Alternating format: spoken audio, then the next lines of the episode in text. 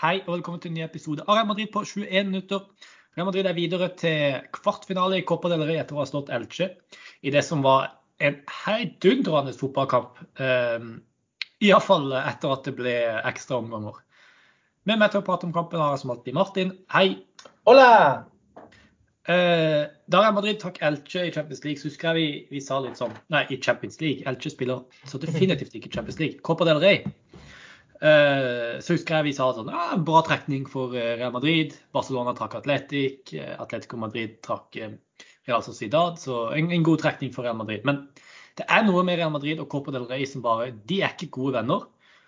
Real Madrid har ikke spilt en finale siden 2014, og, og da vant de. Det er nesten, ti år siden. Det er åtte år siden. Og vi skal prate om hele kampen og de forskjellige tingene som skjedde og som der, der etterpå. Men da Marcelo fikk det røde kortet og Elche gikk opp til 1-0 der, så tenkte jeg bare Real Madrid eh, er liksom de, de har, det er ikke, det er, Skjebnen tilsier ikke at Real Madrid noen gang skal vinne eh, Copa del Rey eh, igjen. Og sånn er det bare. Hva syns du om, om liksom, eller hva tenker du om, om dette Copa del Rey-spøkelset til Real Madrid, som de bare tilsynelatende ikke klarer å bli kvitt? Nei, Jeg er helt enig, det er ganske fascinerende. Én eh, ting er nå at eh, som du sier, at det er snart åtte år siden man sist vant Copa del Rey. Men eh, man vant jo Copa del Rey i 2013-2014 med Angelotti, og så vant man Copa del Rey i 2010-11-sesongen. Og før den 2010-11-sesongen så hadde man ikke vunnet siden jeg tror det var 1992 eller 1993. Så liksom, de siste kall det moderne historier, så har jo Madrid hatt et sånn kompleks med Copa del Rey. Noe som er ganske fascinerende når man måtte, ser det i kontekst av at man stort sett har vunnet alt annet man har vært med i opptil flere og alt si mange ganger. Så det er ganske fascinerende. Og det var litt som du sier at når, måte, når det frisparket så måte, Det ble frispark for å stoppe det man tenkte var en scoring. Men så var det sånn Ja, rødt kort, kjipt, men OK, det ble i hvert fall ikke scoring, da. Og så når man da scorer der, så var jeg sånn derre det her det har jeg sett før. Jeg har sett det mot Alcoyano. Jeg har sett det hjemme mot Real Sociedad. Jeg har sett det hjemme mot Celta Vigo. Eh, jeg har sett det så mange ganger i sagt, da, kamper de har røket ut av Copa del Rey de siste sesongene. Mm. Og personlig har jeg vært veldig sånn Jeg har veldig lyst til at den skal vinne liga. Jeg har ekstremt lyst på ny Champions League-tittel. Men jeg har òg veldig lyst på det Copa del Rey-trofeet, fordi at det er så lenge siden. Og jeg, jeg kommenterte det spesielt i fjor, da man røk ut mot Alcoyano at uh, det irriterte nok Zinedine Zidane mye mer enn det folk egentlig kan se for seg. Nettopp fordi det òg er det eneste trofeet han ikke holdt på å si, hadde vunnet som Real Madrid-trener. Så nei, eh, det er en veldig sånn rar greie. Og det var litt sånn Da Elche skåra i går, så var det sånn litt sånn der ah, Selvfølgelig gjorde det det. Det, mm. det, det følger manus. Ja. Og eh, altså, som du sier, det er, ikke, det er ikke sånn at Real Madrid, nei, at Real Madrid liksom har røket ut mot um, Barcelona eller Atletico Madrid eller noe sånt der i, i, finaler eller semifinaler eller noe sånt. Det er jo rett og slett alt fra Alcoyano til um, Celta, husker jeg de røyk mot, og Real Sociedad. Og ikke minst Daniel Cherishev, uh, som uh, jo gjorde at Real Madrid ble diskvalifisert fra Copa del Rey. Så det er liksom bare så mange syke historier knytta til Real Madrid og Copa del Rey at det er virkelig et spøkelse der. Og jeg tror vi bare gunner på med dette her med en gang. Derfor, eh, og det, det, er derfor jeg mener at den skåringa til Edna Hazard i går gjorde han verdt hver eneste krone Real Madrid betalte for han. Fordi det er ingen spillere de siste åtte årene som har klart å bli kvitt dette Copa del Rey-spøkelset. Og Edna Hazard gjorde det. Så etter min mening så eh, var det disse kampene vi henta Hazard for å avgjøre. Eh, ikke semifinale i Champions League, men Copa del Rey åttendelsfinale mot Elche. Han sa det i går. Hva skal man si? Ganske usynlig, men skåra et viktig mål. Kan det være et vendepunkt? Det kan selvfølgelig være det, men jeg tror vel ikke det er det. Eh, så ærlig skal jeg være. Men eh, man vet aldri. altså Det er ikke så veldig mye som skal til før en selvtillit eh, snur og blir positiv, og man får litt troa på egne ferdigheter. og jeg syns du så det òg, at uh, når liksom den ballen gikk i mål og man kunne feire 2-1-skåringa med fem minutter igjen, at du så det veldig på alle, alle lagkameratene til Eden Hazard. Altså, han selv han var litt sånn Altså, det er Elche. Det er Copa del Rey. Der skal vi vinne. Jeg skal ikke feire noe sånn hemningsløst, men du så veldig på at de andre på laget var veldig veldig glad for at det var nettopp han som satte den inn. Så nå går vi inn i en periode nok en gang med mye kamper, men spesielt en Copa del Rey-kvartfinale som høyst sannsynlig blir bl.a. uten Venitius Junior i troppen pga. landslagsoppdrag. Da er jo det naturlige valget at man kjører inn Eden Hazard fra start, og da, da har han i hvert fall alle muligheter. Mm.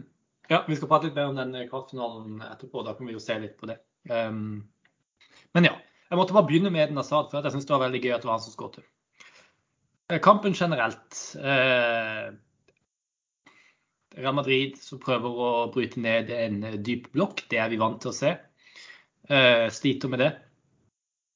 Venicius er liksom det eneste som virkelig Den eneste farligheten Real Madrid føler jeg har offensivt i denne, denne kampen, store deler av kampen. Han er den som utfordrer, og han er den som får ting til å skje. Og Det er tydelig at Real Madrid mangler Karim Benzema. Eh, vi var jo veldig positive til Jovic da han fikk noen, noen mindre forestillinger tidligere denne sesongen, men i går så var han bare ikke til stede i det hele tatt. Og Real Madrid på midtbanen da uten Modric sliter med å skape de, de store sjansene. Så dette er en veldig interessant diskusjon. for jeg husker det var Managing Madrid som prata om dette her etter den forrige kampen mot Alcoyano. Er dette sånne kamper hvor Real Madrid bare må bestemme seg for at vi stiller et litt svakere mannskap, og så klarer vi å klore oss videre? Det er ikke to ganger nå at de vinner 2-1 eh, mot svakere Nei, det ble 3-1 mot, um, okay, mot svakere motstand, ikke sant? Skal det være sånn at Real Madrid skal vinne disse kampene 5-0 i Copa del Rey? Eller handler det i disse kampene om å hvile litt spillere? Bruke spillere som ikke får så mye spilletid i de viktigste kampene, og så bare klare å forhåpentligvis klore seg videre. Hva, hva syns du om det? Burde det legges mer i Copa del Rey? kanskje egentlig det jeg spør om. Jeg syns egentlig Angelotti legger overraskende mye i Copa del Rey til å begynne med. Nå skal det sies at Jeg ble litt overraska over at han eh, kjørte Kamavinga f.eks. fra start i går. Uh, han har liksom vært så sta til den der vante elveren sin at jeg var helt sikker på at det skulle være Kroos, Casemiro og Modic i går også, men det var det ikke. Men nei, jeg syns egentlig at den linja han har lagt seg på, er veldig lur. Og det er litt sånn Zidane hadde voldsom uh, suksess med dette med å kalle bytte ut hele laget. Da var det i La Liga i tillegg, uh, våren 2017. Men det hører til de aller, aller sjeldneste tilfellene at det faktisk funker. Så det at man liksom man kjører en, eh, jeg kaller en kjerne av de faste startspillerne og sper på med en litt litt spillere som har slitt med tillit, det tror jeg egentlig er veldig lurt. og Det ser du egentlig i går i bl.a. forsvarsleddet. Uh, så har du liksom uh, Du har David Alaba og du har Lucas Askes, som på mange måter nå er faste pga. Uh, altså, primært Lucas Asques pga. Dani Carvahal sin skadesituasjon. Eh, og så velger Angelotti å hvile Ferland Mendy, kjøre inn Marcelo. Han ble tvunget til å eh, bruke Nacho i form av at Militao er suspendert og Hesu Bejo er skada. Eh, på midtbanen hadde du da rutinerte Kroos sammen med Camavinga og Verde, som har spilt lite. Og i angrep ble det da Jovic sammen med Venitius, som er klink, og Rodrigo, som er litt inn og ut. Så jeg syns egentlig han har lagt seg på en fin linje, og det er litt sånn det er jo holdt på litt tilfeldigheter og litt skader og litt sånn eventualiteter ved kampen som gjør at man avslutter og sånn snur kampen med liksom Marcelo, Isco, Azar, Ceballos, eh, de spillerne som ikke har spilt nesten i det hele tatt på banen, og som måtte bli redningsheltene. Det er litt tilfeldig. Men eh, nei, jeg syns egentlig man har lagt seg på en god linje, og at man ikke skal verken prioritere den særlig mer eller mindre i form av laguttak enn det man har gjort. Mm. Ja, og så tror jeg jo det er viktig å gi spillere som Kamavinga, Valverde, Luka Jovic. Kamper fra start. Uh, Iallfall Kamavinga og Valverde, da, for eksempel, som er unge spillere som trenger spilletid. Uh, og dette er perfekte kamper å gjøre det i. Og jeg, er egentlig litt overbevist om at hvis disse spillerne er gode nok for Real Madrid, noe det ikke er noe tvil om at de er, så kan Real Madrid gå videre mot lag som Elche, så lenge de selv om de bruker Kamavinga eller Casemiro. ikke sant? Uh, og Derfor så støtter jeg det at uh, disse spillerne skal spille i denne turneringa. Så kan man si at ja, når det er kvartfinale og det er Atletic Klubb borte, så må man kanskje begynne å tenke litt annerledes. Men disse første rundene i cupen, de er liksom lagd for dette her, eh, spør du meg. Og uh, siden vi har nevnt Kamavinga, så syns jeg i går Defensiv midtbanespiller, det ankeret er ikke hans beste rolle.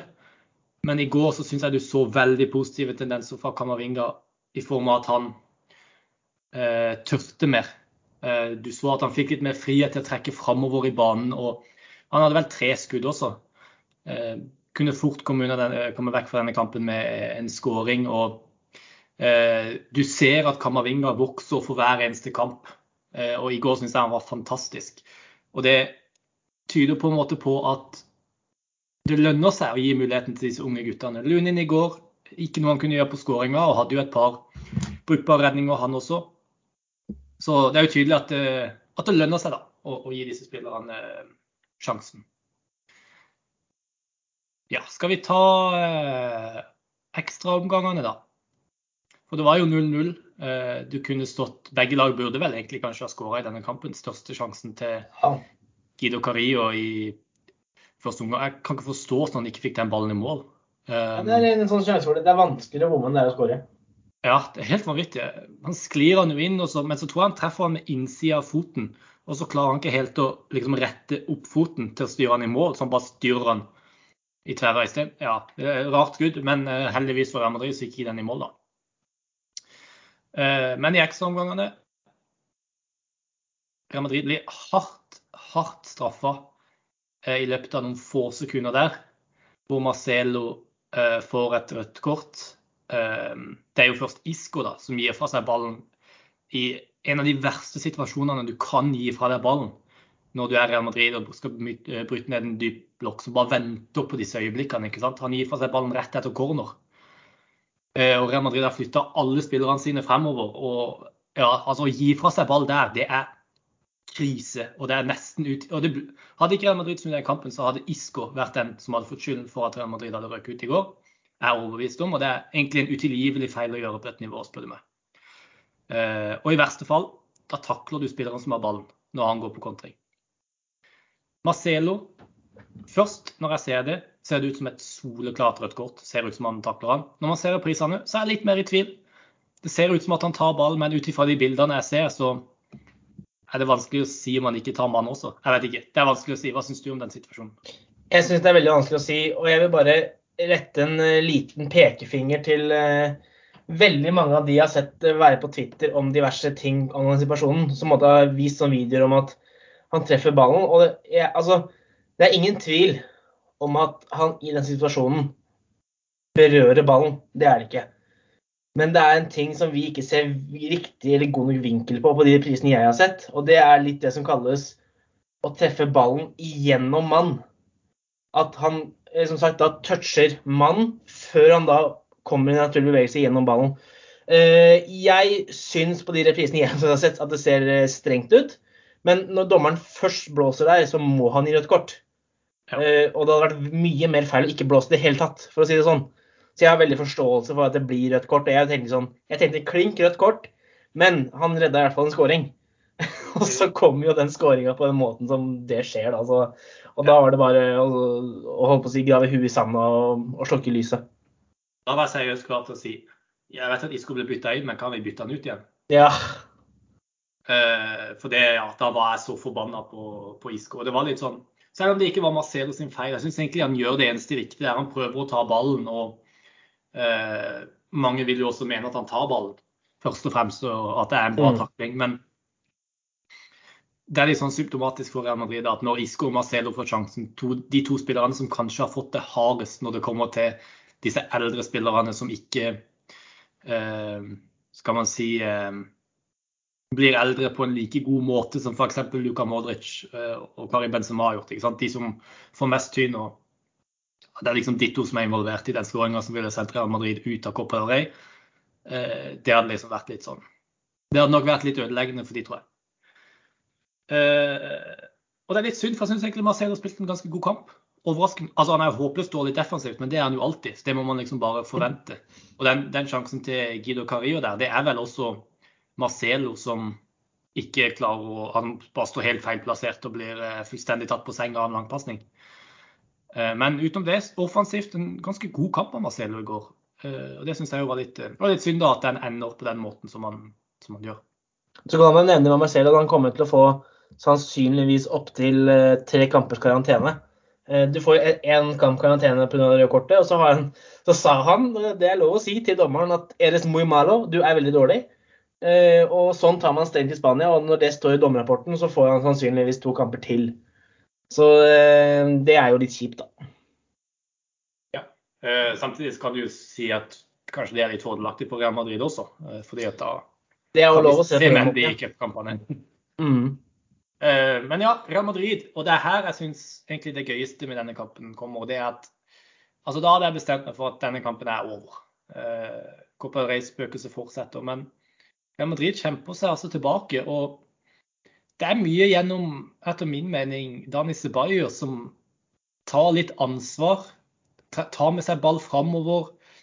Gode kombinasjoner, litt mer direkte enn en det Federico Valverde f.eks. var tidligere i kampen. Det er jo også hans sitt uh, skudd som fører til Isco sitt uh, skal vi kalle det flaksemål. Det må jo være lov å si. Ja. Um, og da til slutt da Eden Asaad som, som, avgjør, som vi prater om. Men altså, hva slags karakter viser ikke det at et lag kan gå under eh, med en skåring og i tillegg få en mann mindre rett før pause i ekstraomgangene? og så klare å snu kampen. Med eh, det som må sies må, må, Vi må få lov til å si at det var et ganske reserveprega lag, det som var på banen i ekstraomgangene der også. Er ikke det, altså, Hvor sterkt er ikke det? Eh, det er veldig sterkt. Og jeg syns Nacho eh, sa det veldig godt i, i flash-intervjuet etter kampen. og Han sa jo det at vi har representert denne, denne logoen, dette emblemet, på en god måte. Og det er jo litt sånn Altså, uh, kaller, ikke det, men slagordet til det er jo uh, hasta el final, altså helt til slutten. Mm. Og at man skal aldri gi opp. Og det er liksom Man, man, man viser jo det fram, da, uh, uten tvil. Eh, og så syns jeg òg det er veldig gøy og spesielt at eh, det er litt sånn på historisk Real Madrid-vis i form av å slå tilbake når ting ser ganske mørkt ut. Eh, at det er sånn man vinner i første kampen etter at Paco Gento har gått bort, det syns jeg òg er veldig, veldig gøy. Så nei, eh, veldig veldig sterk prestasjon å komme tilbake når situasjonen ble som den ble. Mm, definitivt. Eh, Danis Ceballos, bare helt mot slutten her. Hva syns du om han? For Vi prata litt om han etter um, Hvilken kamp var det? Levante-kamp? Nei, ikke Valencia-kampen, tror jeg. Og vi syns at han var ganske positiv og, og bra i går også. Syns du han fortjener mm. litt mer uh, spilletid? Jeg er helt enig. Og uh, jeg ble litt sånn derre Å, herregud, når det var Isco som skulle inn, og ikke Sebajos. Mm. Eh, for jeg synes han, han, har, han, har, gjort meg litt sånn, litt sånn, gira på måten han har vært i de siste kampene. og eh, Sannsynligvis som sagt, så vil Madrid nå eh, spille kvartfinalen mot Atletic Club uten verken Casemiro eller Valverde. Eh, og da håper jeg at det blir kanskje Ceballos som får eh, sjansen fra start der. Eh, jeg syns han har gjort seg fortjent til det. så Kanskje det skjer allerede i helga, hvem vet. Men jeg er litt gira på å se mer av han, uten tvil. Mm, enig. Ja, men så kan jeg jo bare si det også, at Grunnen til at vi spiller denne her inn såpass seint, er at vi faktisk prøvde å spille den inn i går. Men vi fikk litt problemer med teknologien. Um, men det har jo gitt oss den fordelen da, at vi kan diskutere Real Madrids neste motstander i cupen. For den ble faktisk trukket eh, på formiddagen i dag. Og det er altså Altså, det måtte jo være Atletic Klubb. Det, det er jo ikke mulig å spille, atletik, spille mot Atletic Klubb så mange ganger som det Real Madrid har gjort nå. Det kunne bare vært verre hvis vi hadde trukket dem i kvartfinalen. Nei, i, i semifinalen. Dette hadde vært to oppgjør. Mm. Men eh, ja, ut ifra det så må jo Atletic Klubb De slo jo ut Barcelona. Atletic Club på bortebane på San Mames tror jeg kanskje er den tøffeste kampen Real Madrid kunne fått. Ja, ja jeg, jeg, jeg personlig eh, ville, ville, Hva skal jeg si for noe? Jeg var mer redd for eh, Real Betis på Beniti Via Marin og Real Sociedad på eller, Anueta var litt sånn likestilt med San Mames, men eh, det er blant de vanskeligste. Ja, og jeg tenkte på Real Betis, men jeg tror Real Betis sin spillestil er litt mer offensivt orientert. Passer Real Madrid litt bedre. Det kommer til å være mer rom bak. Og jeg syns forsvarsspillerne til Atletic Klubb er bedre. Altså, de er bedre organisert enn Real Sociedad defensivt. Og Det er derfor jeg er redd for den der dype blokken til Atletic. Samtidig mm. Real Madrid har vist at de har de klarer å skåre mål på det laget likevel. De har jo vunnet tre av tre kamper de har spilt denne sesongen. Og I finalen og i Supercopa. vi prata jo om det forskjellen på lagene var helt enorm, selv om det bare ble 2-0 eh, på måltavla. Men helt til slutt vi prata litt om det. Venezia kommer mest sannsynlig ikke til å kunne spille. Og det er fordi at uh, det er egentlig landslagspause, men det er bare landslagspause i Sør-Amerika. Uh, og jeg, tror det er litt i Asia også, men uh, iallfall i Sør-Amerika, som hva angår Real Madrid. Som betyr at Real Madrid vil være uten Venezia, Casemiro, Militao, Valverde og, og, Rodrigo hvis han blir tatt ut. Det er ikke sikkert at han gjør det, men han kan jo også bli tatt ut til aldersbestemte landslag. Jeg tror Rodrigo er tatt ut. Han er tatt ut, ja. OK. Jeg tror det. Såpass. Ja. Som hvis, altså vil jo si at Real Madrid mister store deler av startelveren sin til den kampen. Og det kan jo gjøre det enda tøffere. Ascensio er ute med skade, muskelskade, så han kommer nok ikke til å være klar til den kampen. Kanskje hvis de pusher han, men det, det tviler jeg litt på. Er det her man skal få se Gareth Bale fra start igjen, da? Han var jo tilbake på benken i går etter å ha vært ute siden september. Uh, det skal vel sies at det er vel egentlig ikke landslagspause uh, nå i februar. Men uh, pga. korona så ble det en landslagspause som ble avlyst i høst. Så er det de kampene som da skal spilles nå. Så Siste nytt er at Real Madrid har et berettiget håp om å kanskje få overtalt det brasilianske fotballforbundet til å slippe eh, alle brasilianerne etter første kamp. Sånn at de kan komme tilbake til cupkampen. Nettopp fordi Brasil allerede er kvalifisert for VM. Eh, så er det litt mer usikkert med Uruguay, ettersom de ikke er kvalifisert ennå. Så det siste jeg leste. Så krysser man fingrene for at man da trumfer gjennom der at man får alle gutta tilbake i løpet av helgen, og så er de klare til kamp. Mm. Det er viktigere med Brasil enn Uruguay, sånn sett. Mm. Så vi får håpe at det går gjennom at man kan stille så godt som mulig i den bortekampen. For det tror jeg blir en tøff kamp. Men det var det vi hadde tid til i dag. Eh, takk for at du var med, som alltid. Det var en sann glede. Takk til alle dere som hørte på, og til neste gang, à la Madrid.